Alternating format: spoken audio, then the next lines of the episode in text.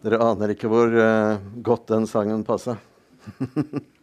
Vi skal komme tilbake til det verset og til, til den friheten i det jeg skal si litt seinere. Takk skal dere ha, og velsigne dere i Jesu navn. Uh, ja, kjære venner og brødre og søstre i Herren. Er, vi er virkelig det. Vi er virkelig det. Uh, og god søndag. Selv, det er liksom greit å være her når det ikke er så veldig bra ute, men eh, vi får glede oss uansett vær. I hvert fall er det fint å se dere og være sammen. Selv om vi ikke nå har overføring, så får vi heller håpe at det kommer en podkast til de som har lyst til å høre seinere. Det blir en litt annerledes tale i dag. Litt annen struktur på det. Det blir litt uh, Eh, på en måte litt motsatt av sånn man ofte gjør. Man har et tema, og så har man mange tanker om det og har lyst til å si noe om det. Og så finner man bibelord og sånn som støtter opp det. Eh, og det er, det er, sånn vi ofte taler. Men nå blir, det, nå blir det helt motsatt. Nå skal vi etter hvert så skal vi lese Bibelen sammen. Eller ikke hele Bibelen, men vi skal lese noe som er viktig, og som jeg vil legge vekt på. Så skal vi se disse tekstene sammen. Vi skal lese en del av Efeserbrevet. Allerede har vi fått litt her, som jeg også skal nevne litt eh, etter hvert. Så skal vi prøve å, prøve å se hva som står der, sånn at teksten kan tale til oss.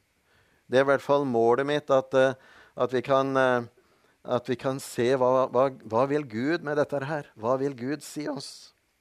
Så skal jeg prøve å kommentere og utdype litt eh, hva det betyr. Eh, og dere skjønner jo at eh, hvis jeg skal prøve på det, så trenger vi i hvert fall Den hellige ånd, som kan gi lys og åpenbaring. For ellers så eh, blir det nok skrale greier. Det kan det bli nesten Og likevel, holdt jeg på å si, men det er ikke riktig. men det jeg har på hjertet, det er at, å, å slå et slag for bibellesning. Um, det var en som spurte Heidi Baker for uh, mange år siden antageligvis, om hvordan skal jeg bli fylt av Ånden. For hun er jo fylt av Ånden. Hun er misjonær i Mosambik uh, fremdeles, tror jeg. Uh, for barn og voksne, og det skjer mange under og tegn. Hun er virkelig fylt av Ånden. Så svarer Heidi Baker veldig enkelt Les Bibelen. Les Bibelen. Å bli fylt av Guds ånd å gå hans vei, det har vi først og fremst her.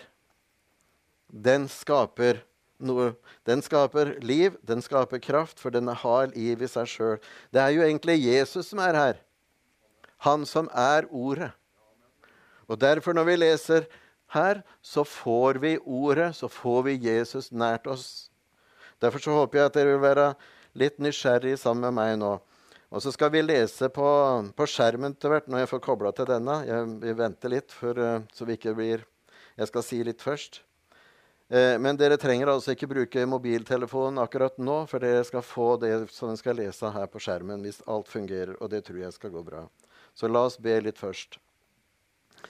Takk, Herre Jesus, for at eh, du er her. Vi har tilbedt deg, vi har snakka om deg, og vi har bedt til deg, far, og vi har lest ditt ord. Og nå ber vi om at eh, du gjør det sånn at vi virkelig kan få, få se og skjønne og kjenne ditt nærvær. Kom og pust på dette ordet, Herre, med din gode Hellige Ånd, så vi kan få en åpenbaring og visdom ifra deg. Amen. Men jeg vil først si skal lese, eh, Vi skal lese sammen egentlig hele det første verset, nei, hele det første kapittelet i Efesbrevet. Så skal vi lese slutten av det tredje. Og det blir en del, men jeg vil bare si litt kort om Paulus. Eh, kanskje minne om noe som vi alle veit, men det eh, kan jo hende er noen som ikke er så inne i dette. Og om, om byen Efesus. Så se litt på konteksten som han skriver til. Vi vet jo at eh, Saulus forfulgte de kristne. Og han var med på mordet på Stefanus. Han holdt klærne deres, passa på dem. Og så var han på vei til Damaskus, og der ble han jo stansa med Jesus, av Jesus. Uh, og han ble radikalt omvendt der. Og Så kom Ananias og ba for han. Han var jo helt blind. Og Så fikk han synet tilbake, og så fikk han si mer enn bare disse fysiske øya åpna. Men han fikk se mye mer. Han skjønte fordi han hadde møtt Jesus noe hva dette er. Og så skjedde det, og så gikk det antageligvis eh, Dette skjedde ca. år 34 eller 35. Eh, altså like etter at Jesus hadde dødd og sto opp og for opp til himmelen. Og så gikk det ei lang tid, ei forberedelsestid for Paulus, eh, før han starta sin eh, første misjonsreise ca. ti år seinere. Da hadde han først vært eh, oppe i Jerusalem og, eh, for å møte Peter og Jakob der oppe. Men de var så skeptiske at han er farlig, denne Paulus. Men så skjønte de etter hvert at han var jo omvendt, og da er han ikke farlig lenger. Da er han farlig på en annen måte. Men de var helt enige, så han hadde sånn forberedelsestid på ti år. Og så, på hans tredje og siste misjonsreise på midten av 50-tallet, så kom han først til den viktige byen Efesus i dagens Tyrkia. Det er en sånn kystby. En, en slags hovedstad i, i Lille-Asia denne tida. Og eh, der hadde en jødekristen som heter Apollos Han var en veldig fin forkynner. Han hadde ordet i sin makt. Og eh, han hadde undervist grundig om Jesus i Efesus. Han hadde danna en menighet der, men han kjente bare til Johannesdåpen. Det går an å ha veldig mye innsikt og allikevel mangle noe vesentlig. Og det er det som er saken og her og nå. Og så når Paulus da kom dit på denne misjonsreisen, så traff han noen disipler her og spurte dem fikk dere Den hellige ånd da dere kom til tro. Og de svarte vi har ikke engang hørt at det er noen hellig ånd. Ja, hva slags dåp ble dere døpt med da? spurte Paulus. spurte han. Johannesdåpen, svarte de. Da sa Paulus, Johannes døpte med en dåp til omvendelse. Og han sa til folket at de skulle tro på ham som kom etter ham, og det er Jesus. Og etter at de hadde hørt dette, lot de seg døpe til Herren Jesu navn. Og da Paulus la hendene på dem, kom Den hellige ånd over dem. Og de talte i tunger, og de talte profetisk. Og det var omkring tolv menn i alt som opplevde det. Og kanskje er det nettopp den erfaringen han fikk da han kom til Efesus denne dagen eller denne tida. Og han opplevde dette her er det noe som mangler. Kanskje var nettopp derfor var en av grunnene til at han blei værende i Efesus i to år. Så blei han en slags pastor der, en underviser, for å undervise tydeligere. Han skjønte at han måtte sørge for at denne menigheten fikk en grundig undervisning og hjelp til å forstå og se det viktigste i Guds rike. Og Derfor så har vi undervisning her også. Men så går det altså Etter dette så går det to-tre år etter denne reisa, etter han var i Efesus, på slutten av 50-tallet så kommer han til Roma etter ei dramatisk sjøreise som vi kan lese om i slutten av apostelens gjerninger. Og nå sitter han da som fange i Roma i to år. Han sitter i en slags husarrest, hvor han har nokså fritt, men han kan ikke gå noen steder. Han må være der han er. Eh, men nå kan han gjøre andre ting. Nå kan han ikke reise. Men eh, nå mens han sitter her i løpet av disse to-tre åra, før han faktisk altså Før denne her, eh, rettssaken med keiseren kommer opp Antageligvis blir han halshugget av keiser Nero like etterpå. Men uh, han er her i, denne, i, dette fangenskapet. Og så skriver han tre av de viktigste breva i Nytestamentet. Og vi skal lese et av de, litt grann av det. Efeserbrevet er det ene. Filipperbrevet er det andre. Og Kolossebrevet er det tredje. Det er de såkalte fangenskapsbrevene. Han har god tid, så skriver tydelig. Og han, ty, han tenker tydelig tydeligvis veldig på dem. Han har jo vært der i to år. Han kjenner omtrent alle sammen. Og så ber han mye for disse menighetene som han kjenner så godt, og som han så gjerne vil styrke, som han vil oppmuntre og veilede i det nye livet. En pastor som en slags hyrde som har, har hjerte for fårene eller for sauene sine. Han vil jo hjelpe dem så godt han kan. Og derfor så skriver han brev. Derfor skriver han til de troende, til de hellige i Efesus. Antagelig er dette et slags rundskriv til flere av menighetene. Og Vi skal legge merke til at i de tre første kapitlene her, det er seks kapitler i alt i Efesbrevet, så, så er han veldig opptatt av akkurat det grunnleggende. Um, det som vi stadig må minnes på, eller få enda mer innsikt i. Og det er derfor jeg tar det frem. Nemlig hva Gud, vår Far, har gjort for oss og i oss, og fremdeles gjør i oss ved Jesus Kristus. Hvilket håp, hvilken arv og hvilken kraft vi har fått. Vi har nettopp lest litt. Vi skal lese det en gang til. Det handler altså rett og slett om vår nye identitet i Kristus. For vi har fått noe. Har, Gud har gjort noe som vi skal snakke om og skal lese om et øyeblikk. Vi har fått en ny identitet. For meg er livet Kristus, sier Paulus, og døden en vinning. For meg er livet Kristus. Og Derfor så skriver han også brev om disse tingene. Skal vi prøve å koble til her, skal vi se litt sammen. Um, men det aller første han skriver, det er en nådehilsen som prestene gjerne brukte, i hvert fall før på gudstjenestene. Hvor han skriver, 'Nåde være med dere, og fred fra Gud vår Far og Herren Jesus Kristus'. Det er det viktigste. Nåde og fred. Og det skal vi høre mer om. Skal vi se om vi får litt Da har jeg kobla til her, og da skal vi få noe her framme.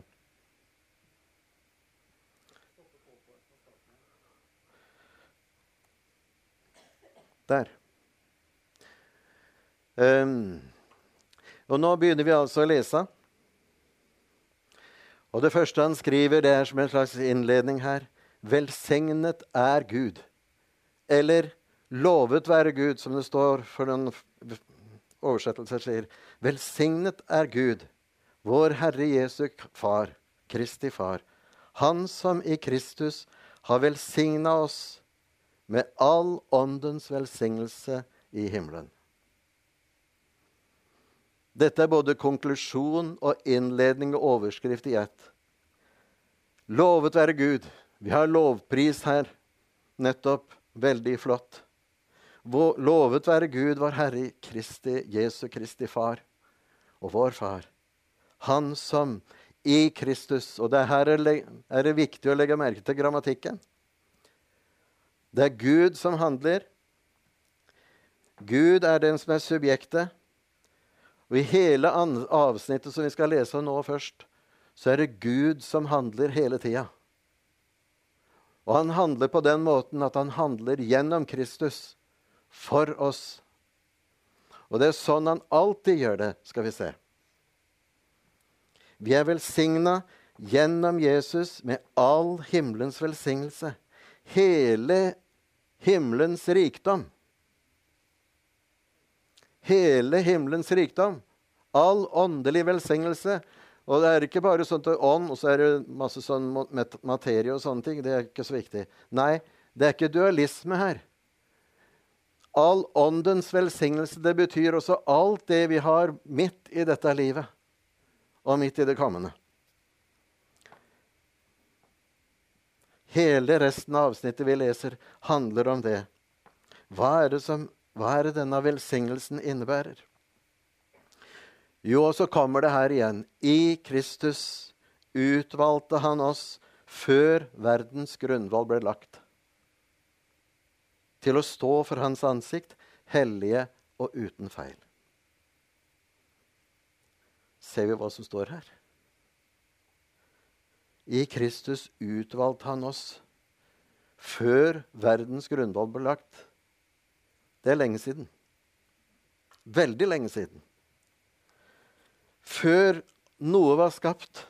Og da kommer vi til det som står i, i Ordspråkene 8.23, som jeg prekte om her i forrige vinter.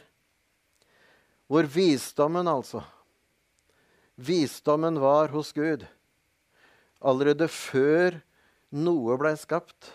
Før noe ble skapt, før noe blei til. Visdommen er der et bilde på Jesus Kristus, Guds sønn. Så ble han formet, født i begynnelsen, før jorda ble til. Og før Gud skapte noe som helst, så sa han også, når han hadde skapt alt, så sa han La oss lage mennesker i vårt bilde. La han la oss lage mennesker i vårt bilde, så de ligner oss. Vi skal se mer om det. I sitt bilde skapte han oss, skapte han dem.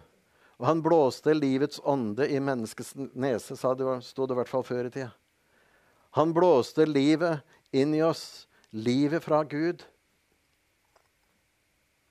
Salme 8 står det at uh, han gjorde oss lite ringere enn Gud og kronet oss med ære og herlighet. Han sier om mennesket.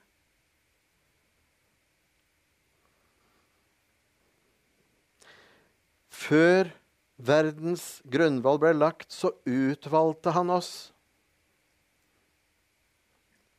Han ville ha en skapning som han kunne leve sammen med, som han kunne kommunisere med, som han kunne ha fellesskap med, som han kunne gjøre en gjerning sammen med på en helt spesiell måte. Derfor så gjorde han mennesket, deg og meg, med en jeg holdt på å si, en lignelse av Gud. Han så på seg sjøl og så sa han, nå skal vi gjøre mennesket en som ligner på oss. Så ble vi skapt i hans bilde.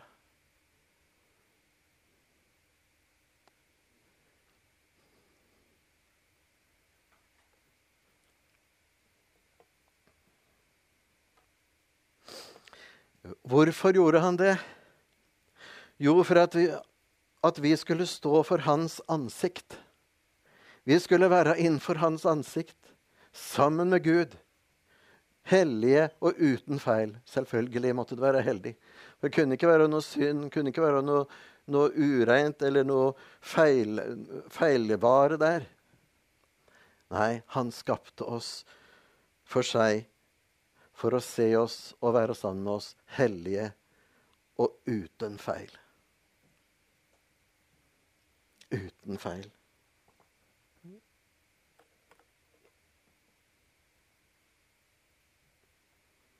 Det var litt for mye. Så i kjærlighet, står det videre, etter sin egen gode vilje avgjorde han på forhånd at vi skulle få rett til, være rett, for vi, får rett til å være hans barn ved Jesus Kristus. Legg merke til ved Jesus Kristus til lov og pris for Hans herlighet og nåde. Han ville ha barn. Det vil mange av oss ha, også. Han ville ha barn som kunne stå ham nær, midt i hans nærfamilie. På forhånd hadde han avgjort det. Han hadde bestemt det. 'Jeg vil ha barn'. Og de skal være så like meg som mulig. For jeg er, jeg er en hellige. Har rett til å være barn. Barn ved Jesus Kristus, til lov og pris for Hans herlighet og nåde. Tenk, se deg fra, se, Lag et bilde av Gud. Det er, van, det er, ikke, så lett, og det er ikke vanskelig heller. Så ser du at Gud står der, og så Hans herlighet, hans lysglans og hans nærvær. Hans nåde. For Gud er nåde. Gud er kjærlighet. Og som han overøste oss med. Det er litt vanskelig å få med alt her. Til lov og pris for Hans herlighet og nåde, som Han overøste oss med. I ham. I Jesus, altså. som han elsker så høyt. Vi ser at Gud handler alltid i kjærlighet. Han avgjør på forhånd. Dette hadde han forutbestemt seg for. Før noe ble skapt, hva da? Jo, at vi skulle være hans barn. Med alle rettigheter. Jeg vet ikke om du har lurt på mange ganger, eller om noen ganger kanskje, om det har kommet for deg Hvorfor blei jeg født? Hvorfor lever jeg her? Hva er egentlig meningen med at jeg lever? Et veldig eksistensielt spørsmål. Det eksisterer. Hvorfor, hvorfor er jeg her? Jeg har vært inne på det mange ganger, særlig tidlig på morgenen. Det er kanskje noen av dere også som kjenner igjen til det. Hvorfor, Jesus? Hvorfor? Jeg kjenner litt sånn depressive tanker um, som kanskje vil trykke deg ned. I hvert fall har jeg erfaring med det.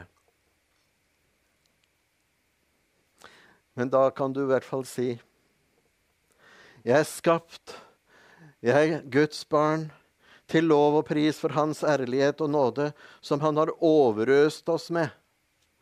Han bare øser ut av sin nåde. Vi skal komme tilbake til det igjen. Og så kommer vi til den Vi leste om fri, vi, snakket, eh, altså vi sang om frihet i stad. Jeg trenger nesten ikke å kommentere det, for vi har, vi har jo synget det.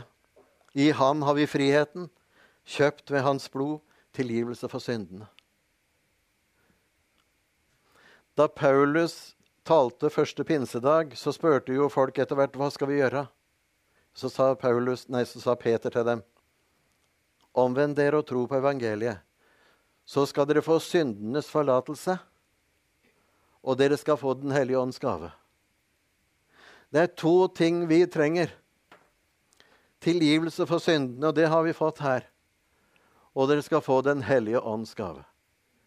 Har vi det, så har vi fått alt. For da har vi alt i Jesus Kristus. I ham. I ham, ser dere det? I ham har vi friheten. Kjøpt med hans blod tilgivelse for syndene. Vi trenger ikke å si mer om det nå, for å synge det. For så rik er Hans nåde, som Han har fått latt strømme over oss. Og da tenker jeg på, på det som Jesus sa på den siste store dagen i høytida.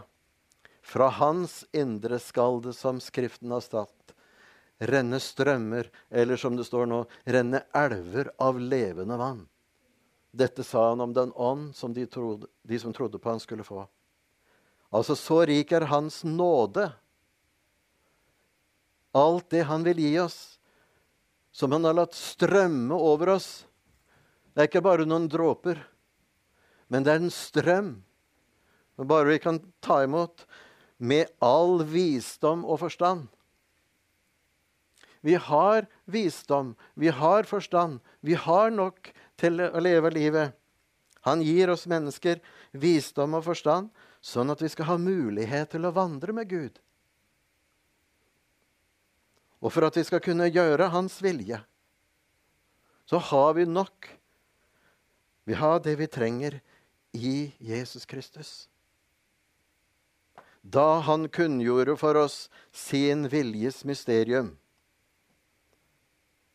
det han gjerne ville gjøre i ham. Her er jeg understreket, altså. det er ikke fra Bibelen, men det, ja, for å understreke det. Sin viljes mysterium. Mysterium er jo noe vi ikke skjønner. Vi kan ikke forstå det.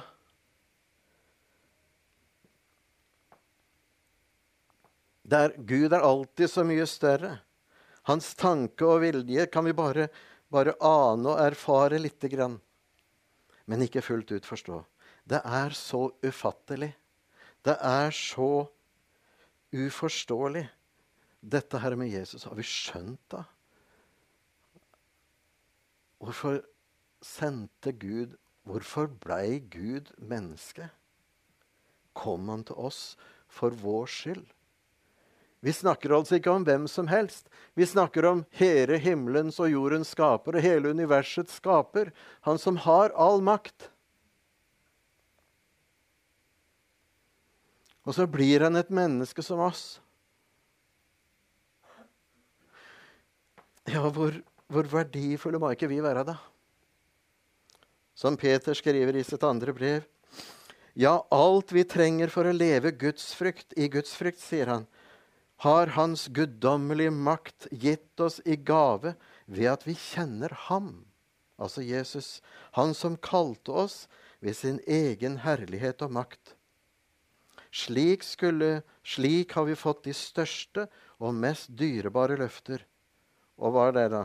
Ved dem, altså disse løftene, skulle dere få del i guddommelig natur. Er det virkelig sant? At vi får del i guddommelig natur? Da begynner vi å virkelig å ligne Gud. Da går vi på en måte et, et hakk videre. Vi er skapt i hans bilde. Og så gir han oss guddommelig del i guddommelig natur. Når dere har sluppet unna frafallet, sier Peter, som kommer fra lysten i verden.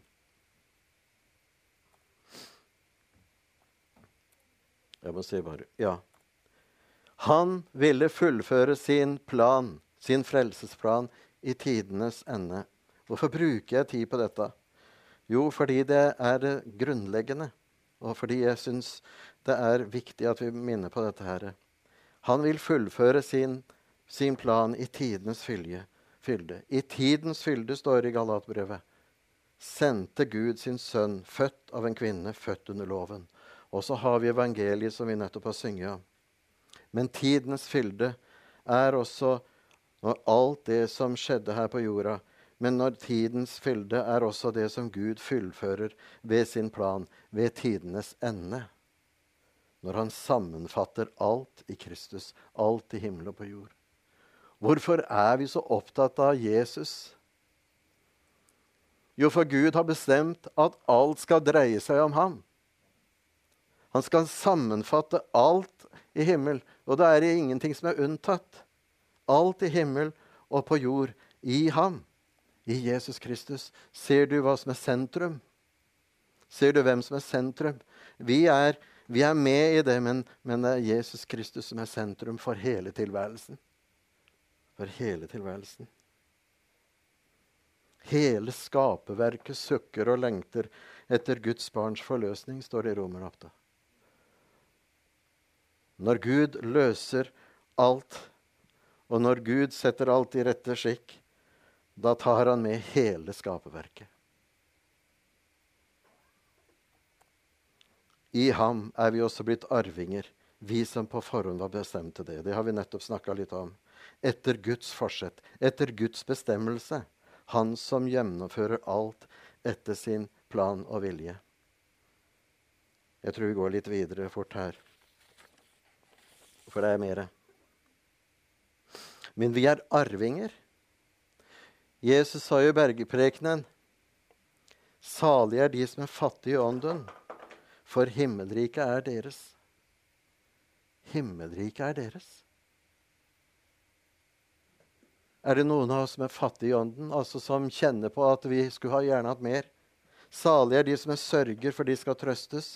Salige er de ydmyke, for de skal arve jorden. Vi skal arve hele himmelens og Guds rikes velsignelse, som det sto i de første versene vi leste. Vi aner jo ikke hvilken rikdom vi har i vente, som vi allerede har. Vær sikker, Gud gjennomfører alt etter sin plan og vilje. Det er vår tro og vårt, vårt håp. Slik skulle vi være til lov og pris for Hans herlighet. Altså, vi har en oppgave i denne verden. Vi har en oppgave, vi har en mening. Det er en mening med at vi lever. Og den meningen er at vi skal være til lov og pris for Hans herlighet. Vi hørte det i stad her. Vi skal være Hans brev. Vi skal, vi skal utføre gode ting. Vi skal, vi skal uh, Når det var snakk om godhet her, Jarle snakka om det, så fikk dere noe av dette. her. Hele vårt liv skal være til lov og pris for Hans herlighet når vi, når vi utfører vår tjeneste for hans medmennesker. vi som alt nå har satt vårt håp til Kristus. I ham kom dere til tro da dere hørte sannhetens ord. Jeg var helt ung da jeg Jeg har jo alltid vært kristen, og så tenkte jeg når, når, jeg, når ble jeg kristen? da? Jeg er jo født og oppvokst i kristent hjem og alt sånt. Og så så jeg dette verset. I ham kom dere til tro da dere hørte sannhetens ord. Jeg kom rett og slett til tro fordi jeg hørte sannhetens ord. Evangeliet og min frelse. Det er ikke, det er ikke jeg som har funnet på frelsen. Det er ikke jeg som står i sentrum. Det er ikke jeg som har, har liksom, Og det er fordi jeg har bestemt meg, fordi jeg tror så sterkt, og fordi jeg Nei. Jeg hørte sannhetens ord om min frelse, evangeliet, mysteriet. I ham ble dere merket med et seil.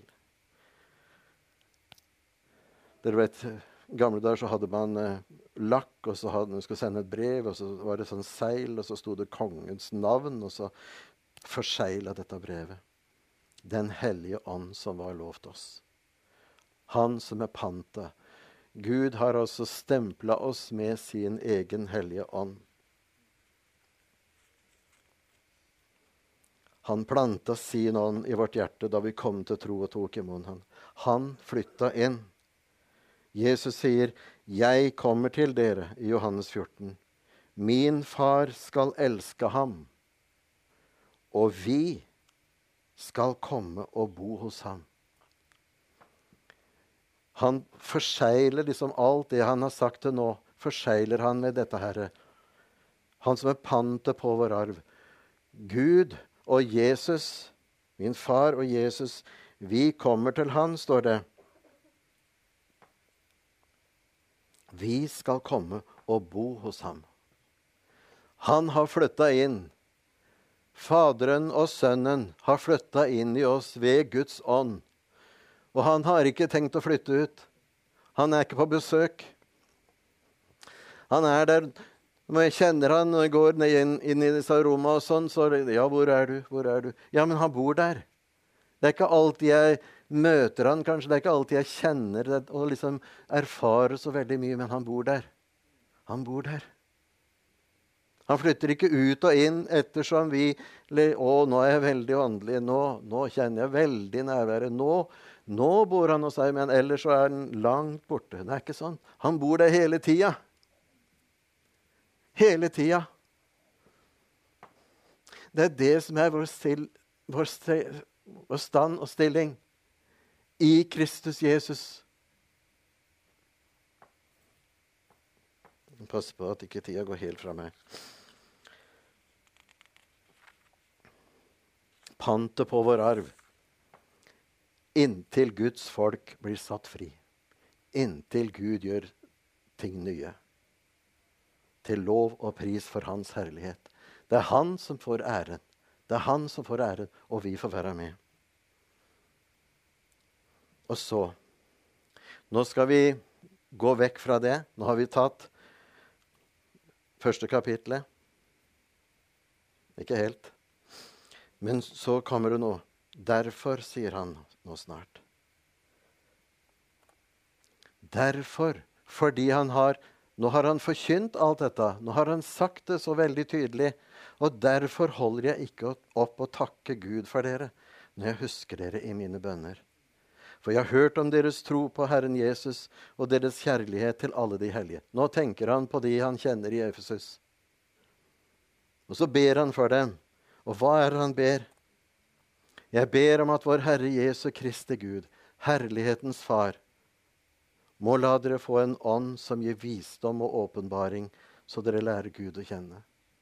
Jeg ber om at det som jeg har skrevet til dere om, det som dere har i Kristus Jesus, at dere må nå få en ånd. At Guds ånd må komme nå med, med visdom og åpenbaring, så dere lærer Gud å kjenne.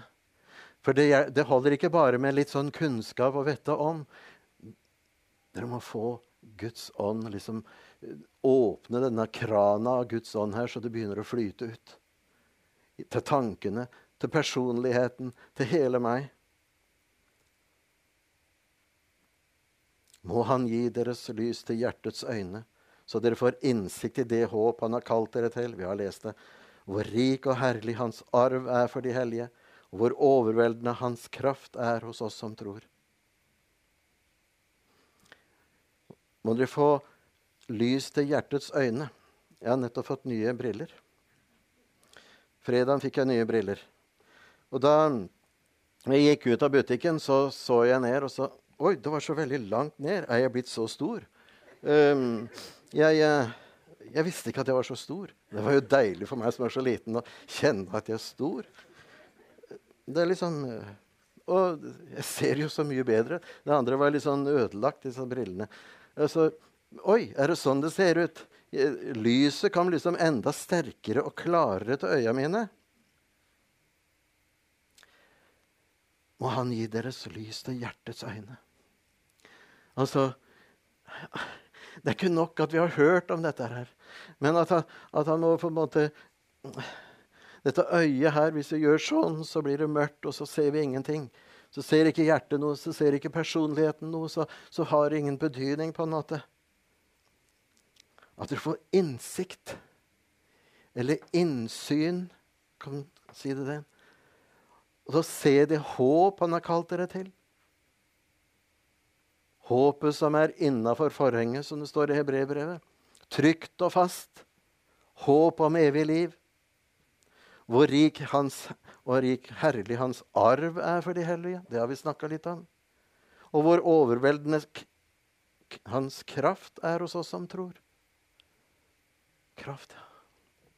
Så tenkte jeg på dette. Hva skal jeg, skal jeg våge å si noe om dette? Jeg kjenner så lite av den kraften. Jeg kjenner så lite av denne jeg skulle gjerne så sett mer under og tegn og kraftige gjerninger. Og jeg har så lite erfaring med det. Jeg tror nesten ikke jeg tør å ta denne teksten allikevel. Så var jeg litt sånn nede, og så ble jeg stansa det. Og så, Jeg vet ikke når det var, men jeg lå i hvert fall i senga. og Det var på morgenen, for da er tankene litt klare. Så, men hva var det det sto, da? Det sto jo ikke først og fremst kraftige gjerninger. Det sto jo at men denne veldige makt og styrke reiste han Kristus opp fra de døde og satte ham ved sin høyre hånd i himmelen, over alle makter og åndskrefter, over alt velde og herredømme, over alle navn som nevnes kan, ikke bare i denne tid, men også i den kommende. Hvor overveldende hans kraft er hos oss som tror. Og denne veldige makt og styrke. Det handler altså ikke bare, eller ikke først og fremst, om alle de undergjerningene. Men det handler rett og slett om oppstandelseskraften. Den som skal reise oss opp, sånn som Jesus ble reist opp fra grava. Jeg begynner å bli en gammel mann, og jeg har ikke så mange år igjen. Jeg er ikke sikkert jeg har år heller, for den saks skyld. Men uh, vi skal legges i ei grav. Hvis ikke Jesus kommer igjen før, så, så, skal vi det. Eller noen blir borte på sjøen, eller hvor den er. Men uansett hvor vi er, så blir det en oppstandelseskraft som reiser oss opp legemlig.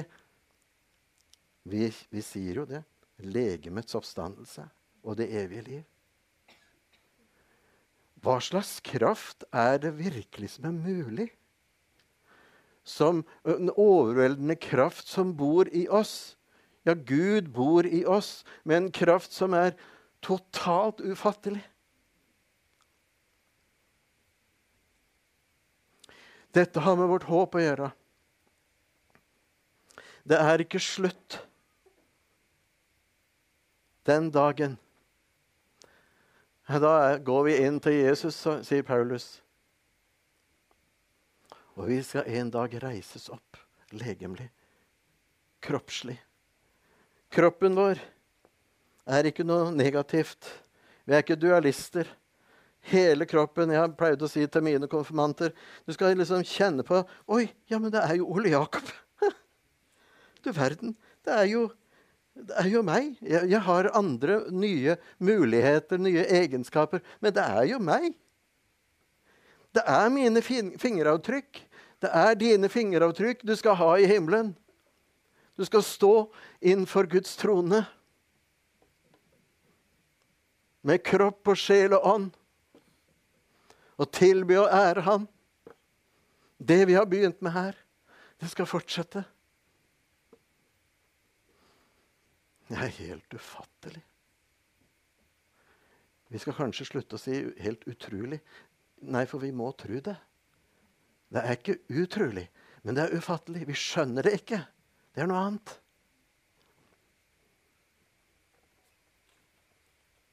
Hvor langt har vi kommet?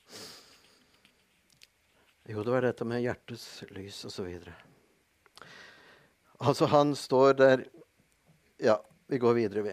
Alt la hans under hans føtter. Alt. Alt la Gud under Jesu føtter, og ham, altså det er Jesus, hodet over alle ting, ga han til kirken, det er oss, hele den troende menighet, som er Kristi kropp. Som Jesus sier, 'Jeg er vintreet, dere er grenene'. Går det an å skille vintreet fra grener? Nei. Kirken, vi her, troende forsamlingen, søsken i Jesus Kristus. Vi er Kristi kropp. Han som fylt av ham. Av hvem da? Jo, Gud. Fylt av Gud, som fyller alt i alle. I alle. Fyller, fyller alt vi trenger. Alt vi har behov for, har vi i ham. Det er ikke for ingenting han Torgeir Samuelsen sang Å, Jesus, øh, åpne du mitt øye Nå kom ikke melodien. Å, Jesus, du som fyller alt i alle. Det er den flotteste salmen som nesten står i salmeboka. Ja. Jeg må avslutte snart, men jeg må få med desserten. Dere, dere tåler litt til. Vi skal hoppe over kapittel to. Men det er der det står om det vet du, at av nåde er dere frelst ved tro osv. Og der det også står vi er Hans verk, skapt i Kristus Jesus, det gode gjerninger, som han forut legger ferdig, forut igjen, som vi skal vandre i, osv. Det står veldig mye fint i kapittel 2, men vi kan ikke ta alt. Det får vi ta en annen gang om, om mulig. Men vi skal lese slutten på kapittel 3. Vi skal se de versene 14-21 som vi også skal få. Men før det, for det begynner nemlig med 'derfor'. Et 'derfor'. Det har, nett, det har vi nettopp lest i kapittel 1 nå.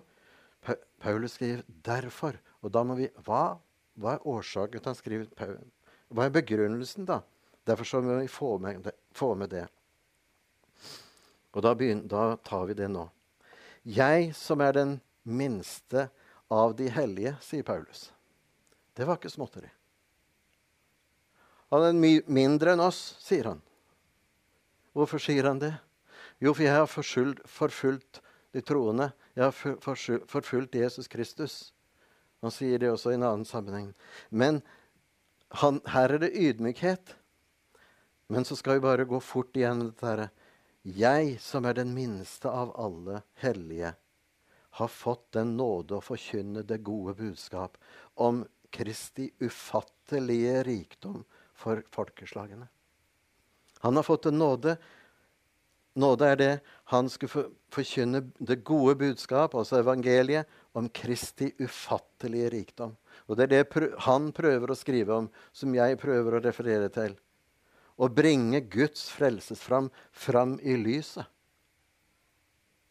Det mysteriet som fra evighet av har vært skjult hos Gud, han som skapte alt. Det har vært et mysterium. Det har vært noe som er skjult, men nå det, eh, blir det åpenbart. Skulle, slik skulle hans mangfoldige visdom bli kunngjort gjennom Kirken, gjennom oss, for maktene og åndskreftene i himmelrommet. For englene. Englene står under oss i, i rang. De er Guds tjenere. Men vi er Guds barn. Englene gleder seg over, over oss, Guds barn som, han, som Gud har kjøpt. Så skal det forkynnes Ja, nå er hele flokken snart samla. Av barna til Gud. Makten og åndskreftene i himmelrommet, men også de negative åndskreftene, skal få forkynt at det her er seieren. Etter Guds evige forsett, altså det han har bestemt, som han nå har fullført i Jesus Kristus, vår Herre. Det er det han skulle forkynne. I ham har vi frimodighet. I troen på ham kan vi komme fram for Gud med tillit. Jeg tenker på det mange ganger. Hvorfor, hvorfor tør jeg å stå her? Jeg, jeg holdt på å si, nesten si som, som Paulus. Jeg er den minste av alle de hellige. Hva, hvem er jeg, da? Janteloven den er, ligger jo nokså nært noen av hver oss, i hvert fall hos meg. Hvem er det jeg som tør å stå, stelle meg fram og prøve å si noe om Jesus? Jeg prøver å be for noen. Men det handler altså ikke om meg. Legger dere merke til objektet her igjen? I ham har vi fromodighet.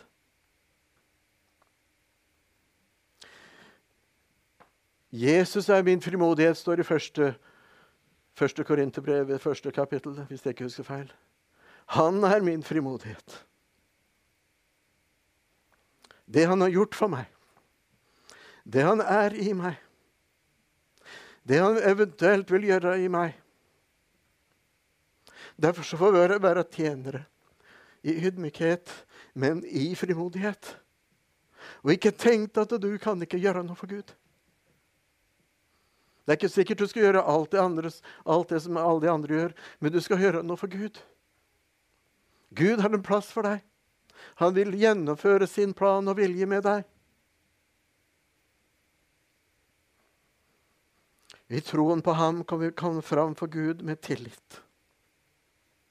Med tillit. Veien er åpna. Derfor ber jeg dere, sier han til efesere nå, altså. Mist ikke motet fordi jeg må lide for deres skyld. Han sitter jo i fengsel. Må ikke dere miste motet da fordi jeg sitter her og skal snart inn for keiseren? Det er jo en ære for dere. Vi ærer jo Gud med det vi er og har. Derfor Nå kommer det. Derfor bøyer jeg mine knær for Far, Han som gitt navn til alt som kalles Far i himmel og på jord. Fordi Han har vist meg så mye nåde at jeg får lov til å være med og, og gi noe av dette tilbake. Må Han, som er så rik på herlighet, gi deres indre menneske kraft og styrke ved sin ånd. Det er som han sier, hjertets øye må få lys. Han som er så rik på herlighet. Gud, altså. Gi deres indre menneske en kraft og styrke ved sin ånd. Vi er totalt avhengig av han, hans ånd. Jeg kan ikke skjønne hvorfor det er så mange kristne som på en måte Dette med ånd det, det er flott med Jesus, jeg er, jeg er, frelst. Men det med ånden, det Jeg skjønner ikke det. Hele det vi har lest nå, det som Paulus brev og Nytestamentet syder av, det er jo hva Gud gjør i Jesus Kristus ved sin ånd.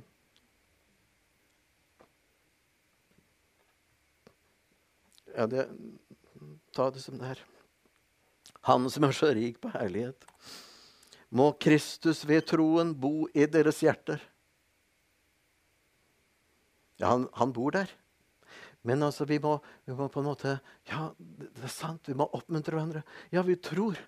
Ja, det er sant. Han tror. Han bor der så dere kan rotfeste det et tre som er, med, med, røtter som går ut til til levende vann, som alt som aldri blir Eller som alltid er friskt.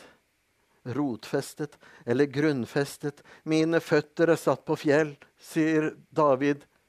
Han satte mine føtter på fjell, og han la i min munn en ny sang, en lovsang for vår Gud. Det er grunnfestet i kjærlighet i kjærlighet. For Gud er kjærlighet.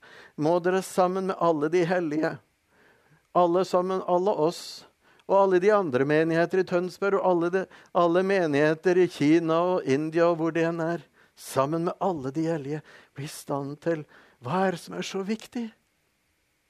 At du må fatte bredden, lengden og høyden. Ja, da, da har vi både flaten ikke sant? og så har vi volumet på høyden. Og så, Det er tre dimensjoner. Og så kommer han Og dybden. Ja, men hvor er den? Hvor er dybden, da? Er det i, i, denne dimensjonen? Det er greit, vi kan se liksom et, et, et rom. Lengde, bredde, høyde. Men dybden Det blir på en måte Gud sier i Jesaja i det høye og hellige bor jeg, og hos den som er sønderknust og nedbøyd i sin ånd høyden og dybden. Langt der nede. Langt der nede i det som på en måte der er håpløst. Ja, kjenne Kristi kjærlighet, som overgår all kunnskap. Som overgår alt det kan tenke, alt det vi kan tenke oss til. Som det står i første kår 2.: Det intet øye så og intet øre hørte. Det som ikke kom opp i noe menneskehjerte. Det som vi, altså vi ikke kunne finne på å tenke. Det som Gud har gjort ferdig for dem som elsker ham. Og det gjør jo oss, ikke sant? Det har Gud åpenbart oss for oss ved sin ånd. For ånden utforsker alle ting, står det. Også dybdene i Gud dybdene i Gud, det er den ufattelige kjærlighet. Gud som er kjærlighet per definisjon. Det er en dybde der som er ufattelig, som når overalt. Den stopper ikke. Bredden og lengden og høyden det kan kanskje en ramme, men dybdene La meg ta med det lille Husker dere han pastoren i Livets Ord eh, i Uppsala? Jeg har stått i avisen om han. Han kom med han krasja med motorsykkelen sin eh, og lå i koma i, i mange uker. Han var en mann i 50-åra med full kraft og, og virkelig en, en Guds mann som er satt inn i den store menigheten i Livets Ord. Den som var Ulf Ekman, husker vi. Og så våkner han til liv igjen, og så ser han at han har, han har ikke noe kraft i noen ting, egentlig. Han ligger der bare eh, Kanskje snakker litt. Og så begynner han å kjenne Hva var Gud? Åssen er Gud? Hvorfor, hvorfor skjedde dette her? Hvorfor gikk det sånn med meg? Jeg sto jo i en flott tjeneste, hadde nettopp begynt. Og så kjemper han med Gud, eller han kjemper med seg sjøl, og jeg vet ikke hva. Men så så begynner det å komme. Så begynner han å erfare. Så begynner han å erfare. Midt i min elendighet nå, og jeg er ikke stort igjen i meg nå. Jeg hadde alle ressurser, alle gaver osv. Nå ligger jeg her og kan ikke gjøre noe som helst. Jeg kan be litt. Og det er ikke dårlig, men jeg skulle gjort mer. Og så begynner han står det i avisa, så begynner han å kjenne på Guds kjærlighet. At jeg er hos deg. Jeg er hos deg nå også. Jeg ser deg. Jeg ser deg. Jeg er virkelig hos deg. Og så begynner han å få nytt mot, for han kjenner dybdene i Gud. I Guds kjærlighet. Og så sto det nydelig i avisa at nå hadde han vært i Livets ord med rullestol og greier foran forsamlingen. Til fryd og ære. Han fikk lov til å prise Gud sammen med dem. Her er jeg. Gud har reist meg opp såpass, men jeg, jeg, jeg er ikke sprek i beina ennå. Så videre.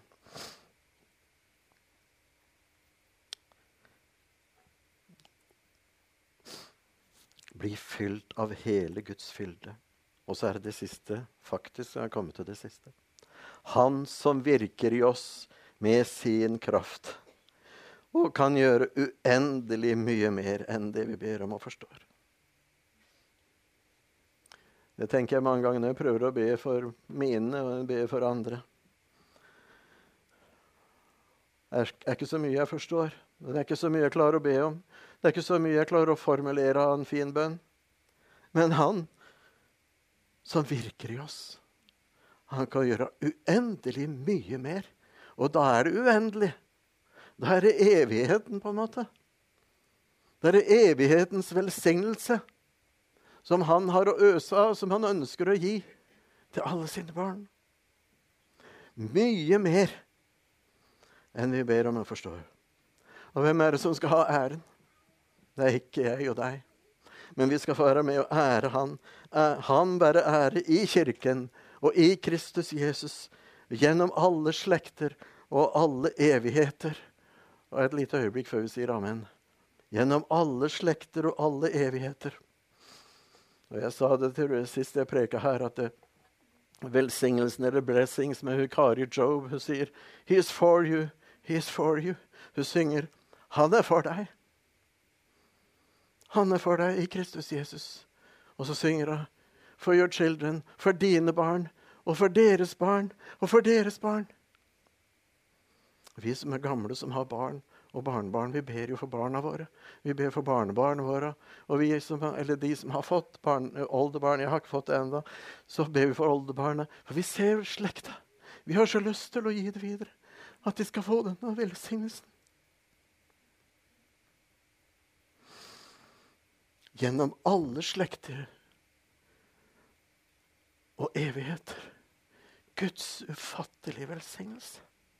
Han er mektig til å fullføre sin plan og vilje. Ser du hvor rik vi er? I Kristus. Mitt liv. Ditt liv. Da kan vi fryde oss. Gleden i Herren er min styrke.